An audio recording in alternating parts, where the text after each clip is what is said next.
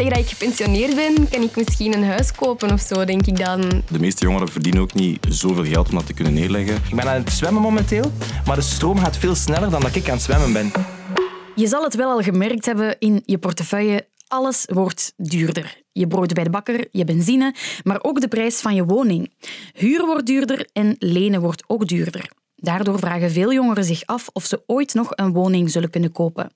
64 procent van de jonge starters kan nu al geen eigen woning meer kopen. Als je niets meekrijgt van thuis of niet thuis kan blijven wonen, wat doe je dan?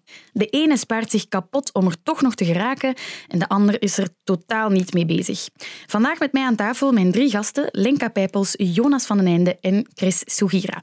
Lenka Pijpels, hi, jij bent 24 en je bent een kleuterjuf uit Mechelen. Jij huurt momenteel een appartement en bent totaal niet bezig met een woning kopen.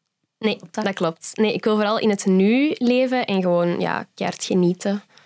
Alright. Jonas van den Einde, hi. Hi. 29. Eh, jij bent een fietscourier uit Gent. Je werkt voor Takeaway. Eh, en jij had één prioriteit in het leven, iets kopen.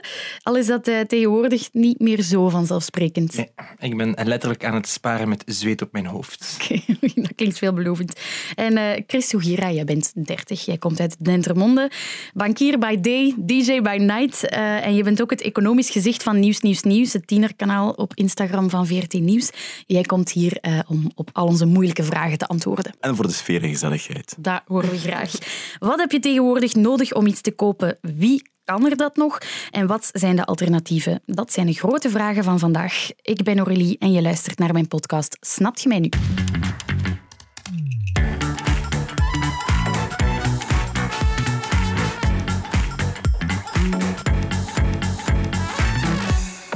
Jonas, jij zit hier omdat jij heel graag iets wil kopen. Waarom?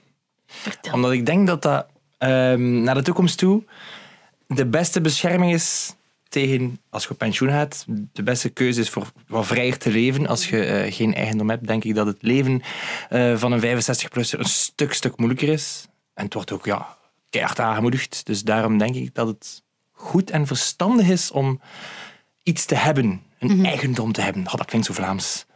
Maar dat is oké. We zijn ook allemaal Vlamingen. Hè? en eh, hoe doe je dat dan? Hoe woon jij momenteel? Ehm, ik woon in een eh, duplexwoning.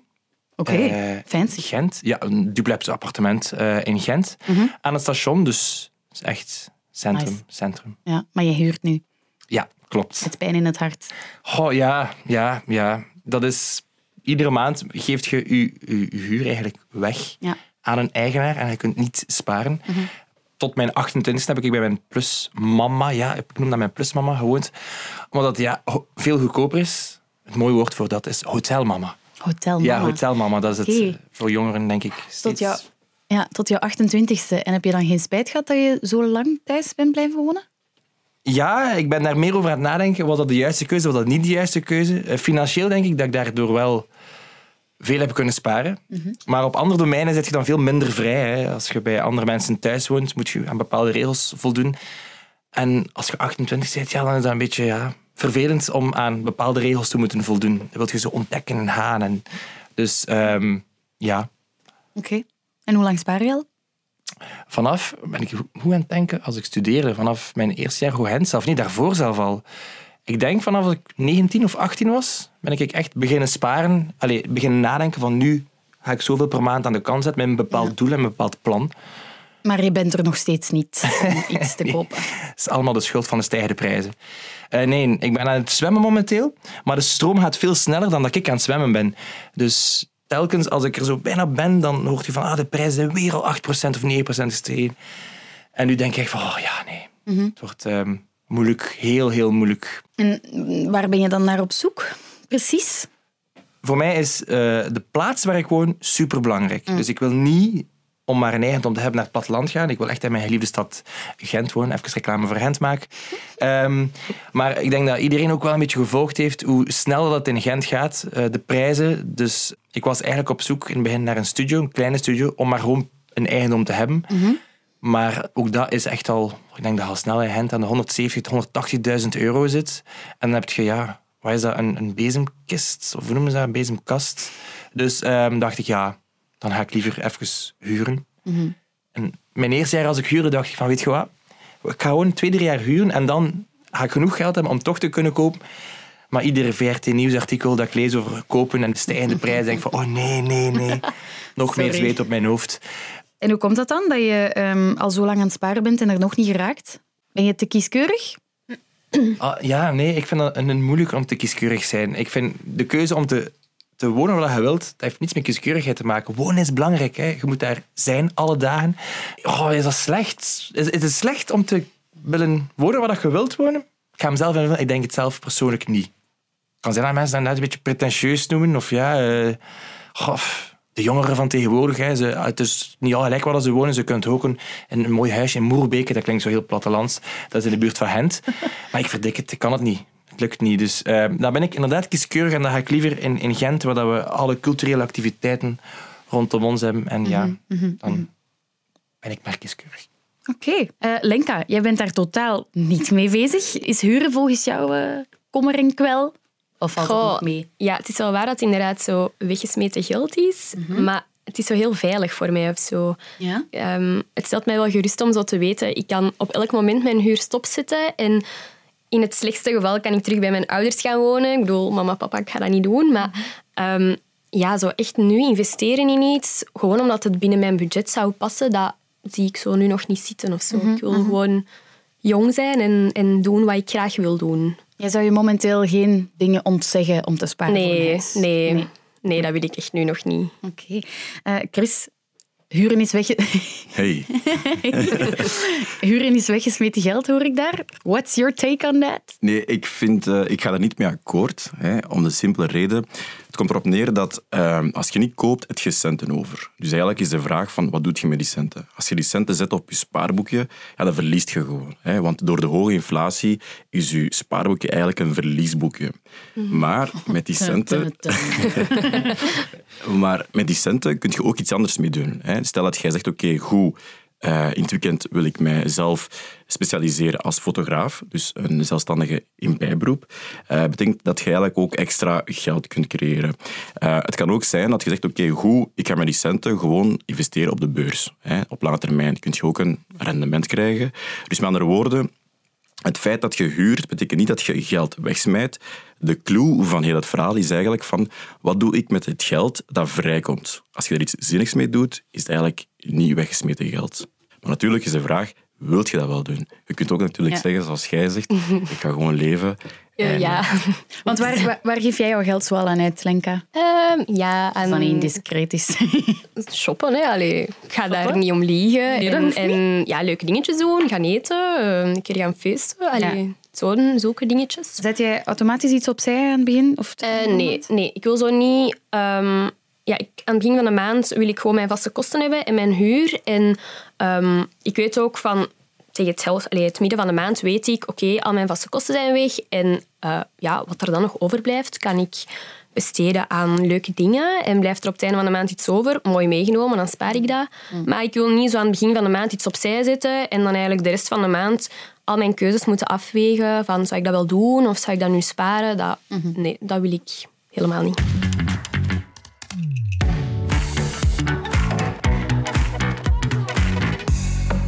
Veel jongeren zijn boos omdat ze niet meer de mogelijkheid hebben om te kopen, terwijl dat, dat voor onze ouders vroeger wel veel makkelijker was. Jolien bijvoorbeeld, die maakt zich grote zorgen en die stuurde mij het volgende spraakbericht. Ik ben een beetje bezorgd als ik zie hoe duur dat is om een huis te huren en te kopen. Vroeger was het voor mijn, voor mijn mama ja, niet onmogelijk om als alleenstaande vrouw een huis te kopen. Maar nu lijkt het al bijna onmogelijk om met twee een huis te kopen of te huren. Allee, ja, als het gaat dan over een huis die toch aan bepaalde normen voldoet. En eh, ja, ik vind dat heel eh, onrustgevend eigenlijk. Chris, wat heb je precies nodig om een huis te kopen tegenwoordig? Wel, heel simpel, centjes. Hè. Want, eh, Veel centjes. Ja, want ja, vastgoed kost geld. Nu, het komt er eigenlijk op neer dat afhankelijk van het type woning dat je koopt, moet je 10 tot 20 procent eigen inbreng eh, op tafel leggen. Eh, je kunt ook 100 procent lenen, dat gaat, maar dat is echt voor de happy few. Dus wat betekent dat? Stel voor een huis van 350.000 euro, moet je toch er zeker zo'n 60.000 euro afgerond naar boven kunnen neerleggen. Dat bestaat onder een deeltje kapitaal, notariskosten, registratierechten en, en al die andere zaken. Dus het is wel een, een dure zaak, dat zo zeggen. Heftig. Ja. Heel concreet, hè, stel dat je afstudeert en je verdient 2000 euro per maand, betekent dat je eigenlijk ongeveer een drie jaar moet sparen, maar drie jaar sparen zonder iets uit te geven. Dat betekent dus dat eigenlijk je hotel mama of hotel papa je leven gaat bekostigen.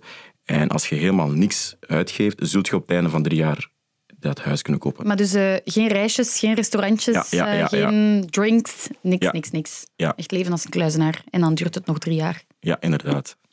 Eh, ja, Chris, wie, wie heeft er dat zomaar? 60.000 euro? Wordt Goh, ik kijk even, eh, kijk even rond mij. Ik niet. Nee. Ik, eh, ik ga dat heel eerlijk toegeven. De meeste jongeren hebben dat niet. Hè. Want de meeste jongeren verdienen ook niet zoveel geld om dat te kunnen neerleggen. Dus heel vaak springt mama of papa in om echt eh, die, ja, heel dat investeringsproject te kunnen bekostigen. Wordt kopen dan echt iets voor de elite? Nee, niet helemaal. In die zin dat de overheid ook wel maatregelen treft om jongeren te helpen om iets te kunnen kopen. Bijvoorbeeld in Brussel, als je eerst keer iets koopt, dan krijg je 175.000 euro van registratierechten waar je 0% op betaalt. En in Vlaanderen is het ook zo dat je 3% betaalt voor je eerste woning, registratierechten nu. Nu, het ding is ook wel, ik zeg dat die maatregelen bestaan, maar die bestaan ook voor de elite. Dus zowel wij kunnen die gebruiken als ook de elite. Dus ja, het is niet helemaal correct, maar de elite profiteert er wel meer of beter van dan de gewone modale Vlaming, als die zal bestaan natuurlijk. Ja, maar zelfs met die maatregelen blijkt het toch wel heel moeilijk voor eh, jongeren om te kopen. Ja, ja, ja. Dus de, de boodschap is vooral heel goed sparen. Ja, sorry. hè. Kom aan, Jonas. Dus vooral heel goed sparen. En vooral, ik denk ook geduld hebben. En ja, ik heb u eruit horen zeggen, aan Jonas, van je wilt echt per se in Gent blijven wonen. Soms denk ik ook dat je misschien, hè, als je dat eruit zeggen van misschien moet ik toch al iets kopen om als vastgoed te hebben zelf, als investering. Soms kan het zijn dat je zegt, oké, weet je wat, ik ga even naar een stad gaan die me niet helemaal bevalt, maar wel toekomst in zit, naar de toekomst toe. En dat je dat vastgoed eigenlijk al ja, hebt in je portefeuille, als ik het zo mag zeggen. En dat dan een soort van eh, ja, melkkoe kan zijn naar de toekomst toe. Dus soms moet je niet per definitie echt focussen op... op, eh, Dan op woont je- je daar niet. Jawel, je kunt daar wonen, hè, maar ik zeg maar iets, hè, stel dat je iets koopt met twee kamers en je verhuurt een andere kamer, waardoor eigenlijk je lening zo goed als wordt afbetaald, dan komt er weer geld vrij om te sparen, dat er weer veel geld vrijkomt voor een latere investering. Maar het komt er eigenlijk op neer dat eh, je soms misschien je, je, je horizon moet verbreden. Ik ga Kom vanavond naar- Gent elke bij gaan zeggen. Ga afscheid nemen van Gent. Kom naar Brussel, jong. Eh, Jonas, hoeveel wil jij gespaard hebben voordat je een huis koopt? Ah, wel, het bedrag dat jij had genoemd, 60, 70.000 euro, dat was ook het bedrag dat ik in mijn hoofd had. Omdat Ja. dat ook een beetje de prijzen zijn in, in Gent voor een appartementje. Geen huis, een Maar ho. appartementje. Ja, ja, ja. Oh. En als het een huis is, is het een huis met een stadskoertje. En Dan, dat kost dan 350.000 euro in Gent. Dus zat ik aan dat bedrag te. Ja, denken. ja. Op welke manieren probeer je dan te sparen, Jonas? Concreet, wat doe je dan zo in de Ja. maand? Wel, ehm, ik ben een, een, een vreemd koffieverslaafd, dus ik drink heel veel koffie. En hiervoor ging ik echt zeven keer, nee, ik ben nu aan het overdrijven, vijf keer per dag naar een koffiebar. Nu, Vijf keer per dag. is echt en een koffiebar, dat kost veel geld. Dus dat is 3 euro, 4 euro voor een cappuccino.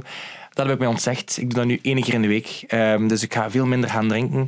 Want ontzeg ik mij dan nog. Een restaurant, ik ga nog altijd op restaurant, hè, dus ik leef nog altijd, maar dan iets minder. beetje. Dus in plaats van dat je zo ieder weekend twee keer op restaurant gaat, is zo... "Ha, van de week gaan we niet op restaurant. En een heel mooi voorbeeld. ehm, frietjes. U, u allen bekend op vrijdag. Iedereen eet frietjes. Ehm, dat doe ik niet meer. Ik doe het één keer in de, ene keer in de maand. En dat is erg. Eén keer in de maand eet ik nog frietjes. Dus, want dat kost geld, hè. Frietjes, dat kost echt geld. Dus dat ja, ontzeg ik mezelf dan. Waar gaat je frietjes halen? Want in Brussel zijn ze niet zo duur, hè? Eh, een heel mooie naam. Het Blauw Kotje in Gent. Dat, is een, een hele goede... Oh, ik ben nu direct Ja, je bent dan bekend aan het promoten, zeg. Ja, biedt het. ook niet met Mechelen. Nee, maar niet allemaal, want dan stijgen de prijzen nog meer. Dat is ook niet goed. Lenka, hoe voel jij jou als je dit hoort? Eh, het is Ehm, een beetje hij- chaos in mijn hoofd. Beetje chaos Maar in je hoofd, Ja, die 60.000 euro. Tegen dat ik gepensioneerd ben, kan ik misschien een huis kopen of zo, denk ik dan. Ik vind het heel heftig. Maar ja, ik heb wel zo'n beetje in mijn hoofd van... Ik wil heel graag gewoon mijn partner of zo een huis kopen. Mhm. Dat is misschien financieel ook wat gemakkelijker. Alleen Maar- kopen is geen optie voor jou? Goh, ja, ik denk wel dat ik alleen zou kunnen kopen, maar ik wil ook niet zomaar een of ander appartement in Mechelen dan kopen omdat dat financieel haalbaar is. Ik wil ook wel gewoon iets wat mij aantrekt en waar ik mij goed bij voel, want dat is wel iets van mij dan. Ja. Dus ik wil niet zomaar op iets springen omdat dat op dat moment financieel haalbaar is. Maar je bent wel van plan om ooit iets te kopen. Ja, maar Ja, het staat niet van boven op mijn lijstje. ja, ik moet nu wel eerlijk zeggen, ik had nu sinds een paar maanden had ik nog wel een vriend. En ja, de context zo heel veel. Want dan kwam het wel aan bod van, oké, als jij nu bij mij komt intrekken en dat gaat goed, dan kunnen we misschien iets kopen en jij kunt zoveel inbrengen en ik kan zoveel inbrengen. Maar ja, dat is zo de, de volgende stap of zo. Maar nu dat ik dan zo alleen ben, denk ik, ja, kijk, dat, allee, het staat niet meer van boven, het is zo wat gezakt. En dat is ook wel oké, denk ik. Ja. Het stond hoog. Het stond hoog. Ja. stond hoog. ja. Oké. Chris, onze ouders en grootouders hebben huizen kunnen kopen tegen een fractie van de prijs van wat dat ze nu waard zijn. Ja. Hoe komt dat dat dat zo hard is gestegen? Wel, door de inflatie hè, en het leven wordt, het leven wordt duurder. Hè. Eh, wat ik wel weet, wat, waarom het eh, echt een grote impact heeft gehad, zijn die rentes weer. Hè. Want die rentes, wat is dat? Dus rente is eigenlijk de kostprijs van geld. Goed, dat is een beetje les-economie. Hè. dus rente is de kostprijs van geld. Eh, en dat betekent dus, hoe lager de, de rentes zijn, hoe meer mensen kunnen, ja, kunnen lenen eigenlijk. Hè. Want Ja. iedereen kan op de vastgoedmarkt komen. Dus hoe meer mensen op de vastgoedmarkt, hoe groter de vraag. Dus hoe groter de vraag, hoe meer de prijs gaat stijgen. De situatie waar we nu in zaten, we komen van een periode van heel lage historische rentevoeten. En dat heeft de prijs echt de hoogte ingeduwd. En daarnaast hadden we ook corona. Door corona was iedereen thuis. Na corona was iedereen plots gaan kopen met een tuintje of een koertje of een, of een balkon. Waardoor die huizenprijzen ook weer fel zijn gaan stijgen. Dus ja, die rentes hebben vooral een heel hoge impact gehad. Maar nu beginnen die terug te stijgen. Dus ja, Betekent dat dan dat de prijzen gaan dalen? Of ja helaas. geen, is er helaas geen eh, dat is licht op helaas het einde van de tunnel? Ja, helaas niet. Het is eigenlijk zo dat eh, door de stijging van de rente gaan de huizenprijzen vooral afkoelen. Dus die gaan wel stijgen, maar veel trager stijgen. Het Ah, ja. is wel zo dat eh, in sommige segmenten gaan de huizenprijzen een beetje dalen. Ik zeg maar iets, hè. Eh, zaken, vastgoed dat echt grondig gerenoveerd moet worden of zo. Maar doorgaans gaan de prijzen vooral een beetje vertragen. Dus die gaan niet per definitie echt gaan dalen, helaas. Mhm. Want ja, zelfs als die rente stijgt, ja, je lening wordt duurder ook. Hè. Dus die prijzen blijven stijgen. Sorry, Jonas. Blijven gewoon Sorry. stijgen. Die, die, maar aan een veel tragere tempo dan bijvoorbeeld vroeger. Dat is een, dat is een groot verschil Maar ze natuurlijk. blijven stijgen. Je kan niet voorstellen, hè, mens. Ja, ja, maar ja, we zijn ook met veel. Hè. Allee, relatief veel. Hè. En er zijn meer mensen dan er eigenlijk huizen zijn. Dus ik zou zeggen, het aanbod stijgt niet heel snel. Terwijl de Bouwen, vraag... bouwen, bouwen, bouwen. Ja, maar ja, milieu. Ja, ja, ja.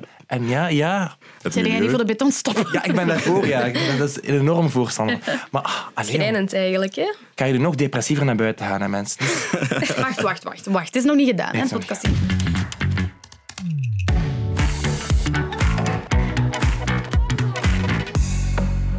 Kopen zonder hulp van papa en mama, dat is tegenwoordig eh, heel erg moeilijk, bijna onmogelijk zelfs. Eh Youssef Kobo die vindt dat oneerlijke concurrentie tegenover jongeren die niets krijgen. Hij eh tweette en stuurde mij dit. Het is voor jonge aspirant-kopers gewoon onmogelijk om op te bieden tegen ja, jonge mensen die gemiddeld 58.000 euro van mama en papa cadeau krijgen. Ik las recentelijk in een artikel dat de eigen inbreng van eh 25 tot 30-jarigen gemiddeld 70.000 euro is. Ja, daar kan je natuurlijk eh, niet mee concurreren.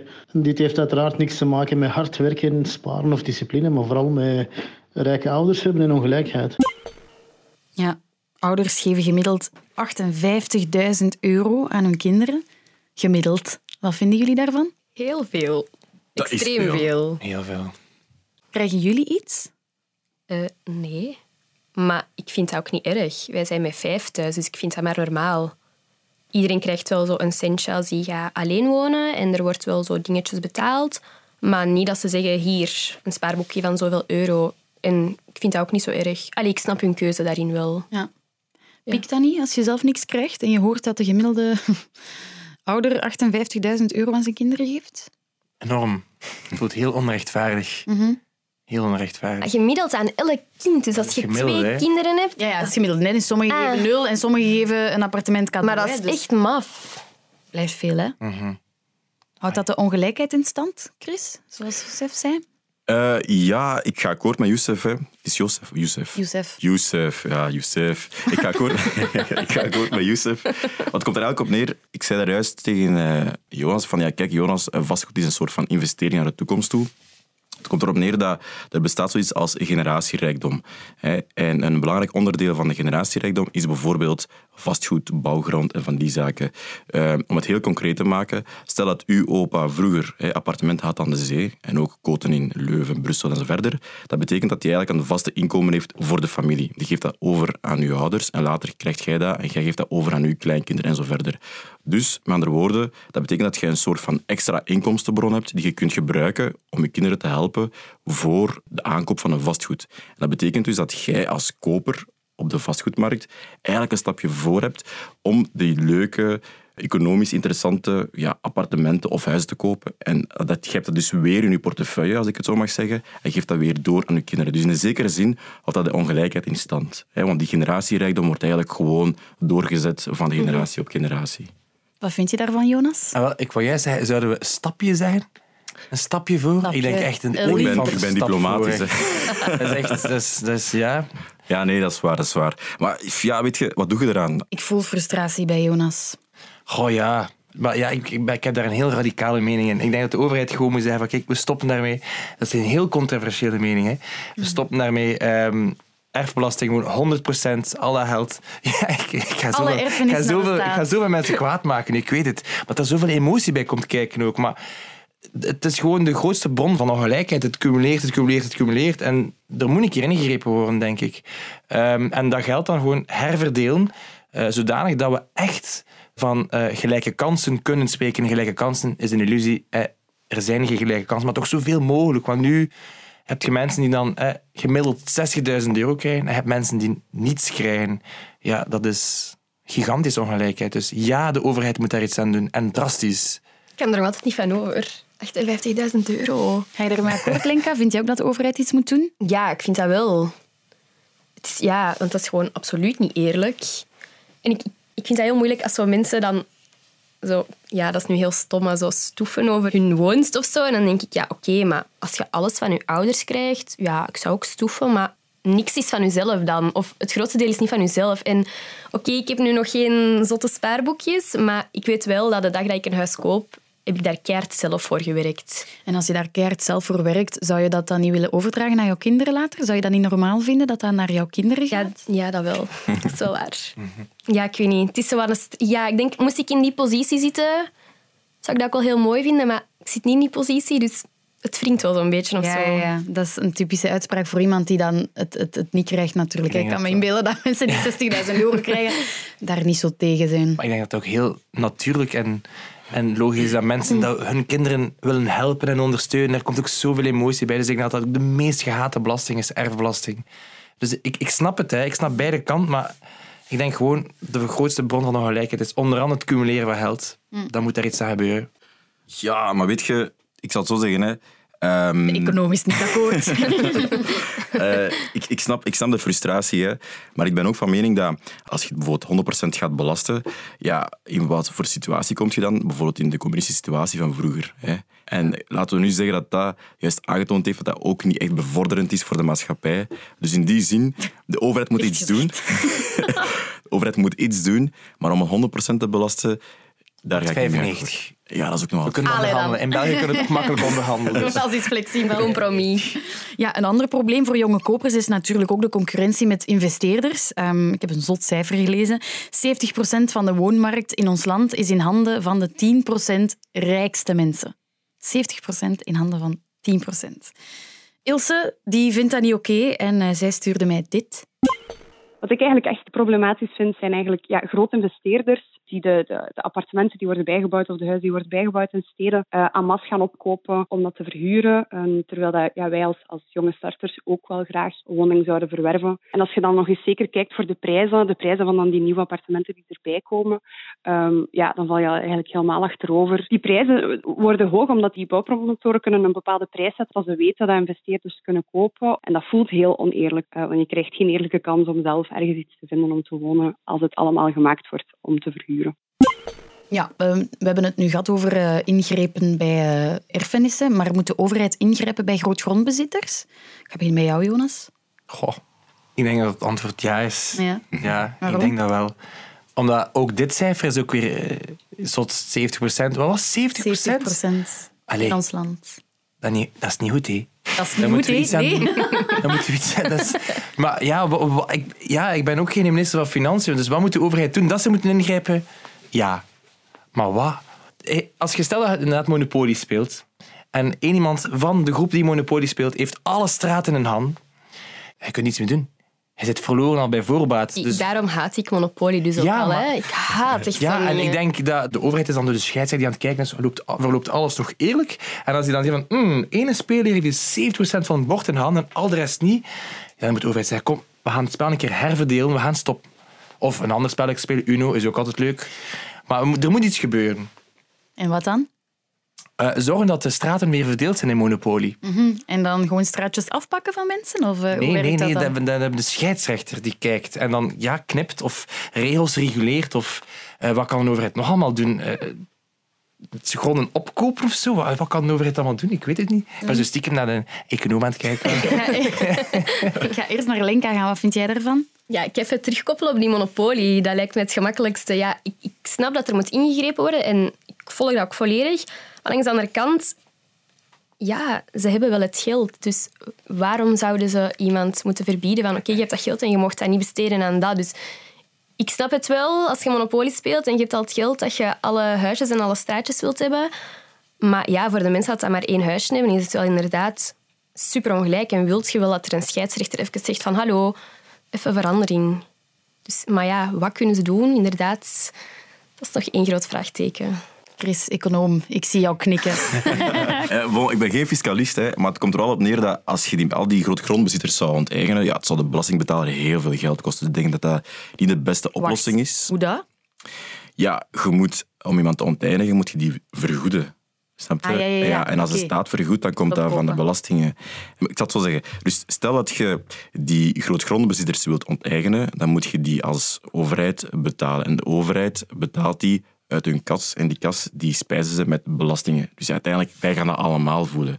Dus ik denk wat je vooral moet doen als overheid, is, eh, zoals jij zei, rechtvaardige spelregels neerzetten. En vooral ook ehm, rechtvaardige belastingen innen. Laten we zeggen dat de overheid nu geen spelregels heeft. Zodat, of te slappe spelregels. Maar weet je, zo grote investeerders, hè, ik zou zeggen, een huis bouwen kost veel geld. Maar je hebt ook heel veel kapitaal voor nodig. Nu, wat betekent dat?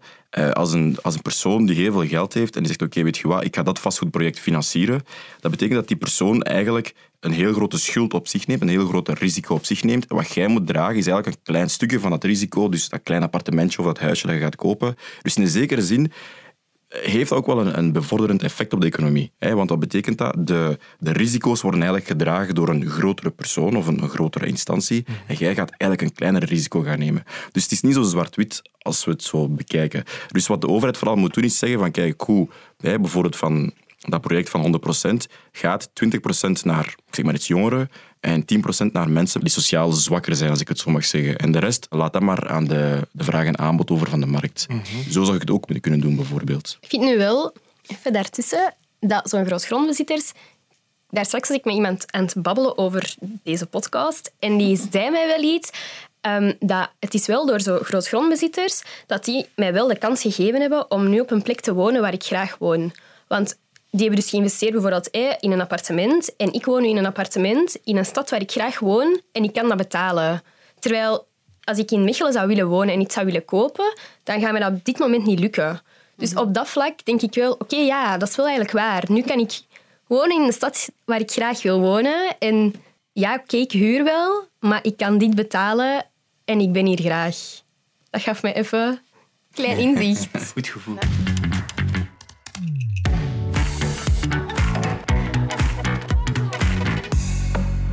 Door steeds hogere huisprijzen zie je ook steeds meer alternatieve woonvormen opduiken. Eh, jongeren proberen op creatieve manieren om, om betaalbaar te wonen. Zoals Elias bijvoorbeeld, die eh, samen met vrienden een oud pand heeft gekocht in Brussel. Omdat het zo moeilijk is om een betaalbare woning te vinden, heb ik ervoor gekozen om met vrienden een groter pand te zoeken dat we dan konden opdelen in verschillende appartementen. Uiteindelijk heb ik een grote casco-zolderruimte gevonden in eh, de oude VRT-school. Daarvan maakten we dan twee appartementen en dat zorgde ervoor dat we binnen een redelijk budget eigenlijk twee zeer comfortabele woningen konden creëren. ja, hier samen met vrienden iets gekocht en helemaal omgebouwd. Maar je hebt ook tiny houses, je hebt kangoeroewoningen, je hebt eh, co-housing. Eh, allemaal alternatieven om de prijs een beetje te drukken. Is dat iets voor jou, Lenka? Nee. Nee? Nee. Geen optie? Waarom niet? Nee, ik ben sowieso ook nooit op kots of zo gegaan. Dus ik ben het gewoon van echt op mezelf te zijn. En ja, ik heb zo wel e- echt zo mijn principes en mijn gewoontes. En ik merk ook gewoon al als ik met vriendinnen op vakantie ga, dat na een tijdje ook genoeg geweest is of zo. Dus ja, om dan echt te luisteren Allee, ik bedoel, ik zie ze allemaal heel graag daar niet van, maar je voelt gewoon dat je je eigen gewoontes hebt. En ja. dat is heel moeilijk als je dat dan met anderen moet delen of zo. Dus nee, als iemand dat wil doen, allemaal goed, hè. Maar ik heb liever zo mijn eigen plekje Niks voor waar jou. ik ja, kan doen wat ik wil doen. Jonas, zou jij dat nog overwegen? Goh, als het niet anders kan en het moet. En je dan toch- Dat is de enige mogelijkheid, mijn enigste ticket om in hen te blijven. Ja, dan, dan, dan wil ik wel op een wc wonen zelf. Dat maakt me allemaal niet uit. Zolang ik maar in. Gent kan blijven. Ja, oké, dat lijkt me nog net haalbaar op een wc wonen. Hè? Chris, is, is dat iets voor jou? Ik heb vroeger geco-housed voor ik heb gekocht. En ik vond dat vrij nice, want ja, je kon keihard sparen. En vooral, ik leerde nog meer volwassen worden. Ja, dat is allemaal zo slecht nog niet, zo co-housing. Ik zit ook eh, met twee vrouwen in co-housing. dat, valt allemaal heel goed mee. Ehm, Chris, je hebt zelf iets gekocht, Ja. onlangs. Ja, ja. Wel, hoe heb je dat gedaan? Wat heb je gedaan? Eh, Everything. Ik was broke na een tijd. Nee. Eh, dus ik heb, eh, ik heb vooral goed gespaard. Dus ik heb het geluk gehad dat ik eh, tijdens mijn studententijd was ik DJ. Dus ik heb veel kunnen sparen. Ja, je combineert ook drie jobs, hè? Ongeveer. Ja, dus ik heb vooral heel goed gespaard. Heel dis- gedisciplineerd gespaard vooral. En dan heb ik het geluk gehad dat ik op iets ben gevallen dat heel interessant is. Dus ik heb het kunnen kopen. Dus ja, hoe heb ik het gedaan? Er is geen magische formule. Echt, het komt erop neer. Sparen en discipline hebben. Dat is eigenlijk een beetje waarop het neerkomt. Daar loopt het fout. Dat horen we niet graag, hè? Minder koffie drinken, jongen. En waar heb je gekocht? In Brussel. Zie, safe haven. ach, Kom allemaal naar hier. Ja, ja, in Brussel. Kunnen we allemaal samen iets opstarten, jongens? Kangoeroewoning. nee, eh, heb, jij, heb jij enige tips voor mensen die eh, het nu totaal niet meer zien zitten? Voor eh, Jonas en misschien Lenka binnen een paar jaar? Oh, ik zal zeggen, ja, ze doen dat al, denk ik. Hè. Budgetbeheer is een belangrijke. Gebruik desnoods applicaties. eh, of maak een funrekening bij een andere bank. Hè. Dus als je elke maand zegt, oké, ik ga 10% van mijn geld storten op die funrekening, en dan gebruik ik enkel die funrekening. Wat is een funrekening? Een funrekening, eh, dat is een woord dat ik zelf heb gecreëerd. Dus ik dacht het al. dat is een rekening. Dus ik, heb een, eh, ik zit bij een bepaalde bank. En eh, ik heb een tweede bank genomen, puur echt alleen voor een, een funrekening te creëren. Dus eigenlijk een rekening waar ik elke maand ja, een percentage op stort. En eh, ik zeg tegen mezelf, goed, als ik op een restaurant wil gaan of als ik wil gaan eten of ik op café ga met mijn vrienden, ik ga zeggen, ik ga alles uitgeven zonder mezelf schuldig te voelen. Want uiteindelijk, dat bedrag heb ik al opzij gezet om fun te maken. Stel dat ik erover ga, dat betekent dat ik de maand erop ja, iets rustiger aan moet doen. Maar een funrekening is echt wel interessant. Maar ik denk dat vooral de clue van het verhaal ook moet kunnen zijn, is neem je tijd. Ik denk dat je niet moet rushen. Het is niet dat je 28 bent, dat je denkt, oké, ik moet nu kopen of 30 bent. Allee, ik heb mensen die op hun 45ste hebben gekocht, of hun 50ste of hun 60ste. Maar Dus Chris, de prijzen blijven Anno. stijgen. Ja, dat weet ik. Maar ja, in die tijd, in die tijd, waar, allee, in de tijd van die mensen zijn de prijzen ook heel veel gestegen. Dus het komt er echt op neer dat je, ja, je moet naar jezelf kijken, niet per se naar wat doen mijn vrienden of wat doet de rest van mijn familie. Kijk naar jezelf, ga op je eigen tempo en voilà, uiteindelijk zult je er wel geraken, snap je? Maar rush niet zoveel, want als je te veel rusht, ja, gaat je misschien ook niet de juiste beslissing nemen. En een vastgoed kopen, ja, dat is niet zoals in de winkel gaan en een pot choco kopen. Snap je? Dus, Dat is eh, licht uitgedrukt. dus ja, nogmaals, neem je tijd en vooral ehm, beheer je budget zo goed en efficiënt mogelijk. En als je toch nog niet koopt, bekijk wat je met die centen kunt doen om leuke opportuniteiten te creëren. Investeren in Jonas Onder andere. en bij, bij. Bijberoep, dat is een goed Zijn idee. bijberoep. Dat is Heel goed idee. Ah, voilà. Ja, vertel eens, wat doe je als bijberoep? Ik heb een, eh, een, eh, mobiele koffiebar in Gent, Bakkie. Bakkie. Bakkie Gent, dat is, dat is, dus- dat is de naam van mijn... Gent. Nog In Ledenberg, een heel volkse wijk. eh, en daar, ja, Dat serveer mag, hij heeft geld nodig. Ja, ja, ja. Voilà, daar serveer ik cappuccino's, flatwise, al die eh, andere leuke dingen. En dan heb ik het gesprek met de mens van de markt. Oké. Super interessant. En doe je dat puur om bij te verdienen? Of, eh, Passie. En het bijverdienen, dat is, allee, als het verlies laat zou zijn, ja, dan zou het natuurlijk ook eh, een beetje stress zijn. Maar dat is zeer mooi meegenomen, dat dat ook wel oplevert. Maar ik doe het niet voor het geld, ik doe het voor het gesprek met de mensen en mijn koffieskills ook wat uitbreiden. En leren vooral, leren praten, Zo kun je wel luisteren. vijf koffietjes per Voilà. dag drinken. Hè? Iets Ik goedkoper moet koffie. vijf koffies per dag drinken Alright. om mijn machine goed te stellen. Dat is heel belangrijk. Stellen de tips van eh, Chris jullie een beetje gerust of eh, gaan jullie hier nog gepanikeerder naar buiten?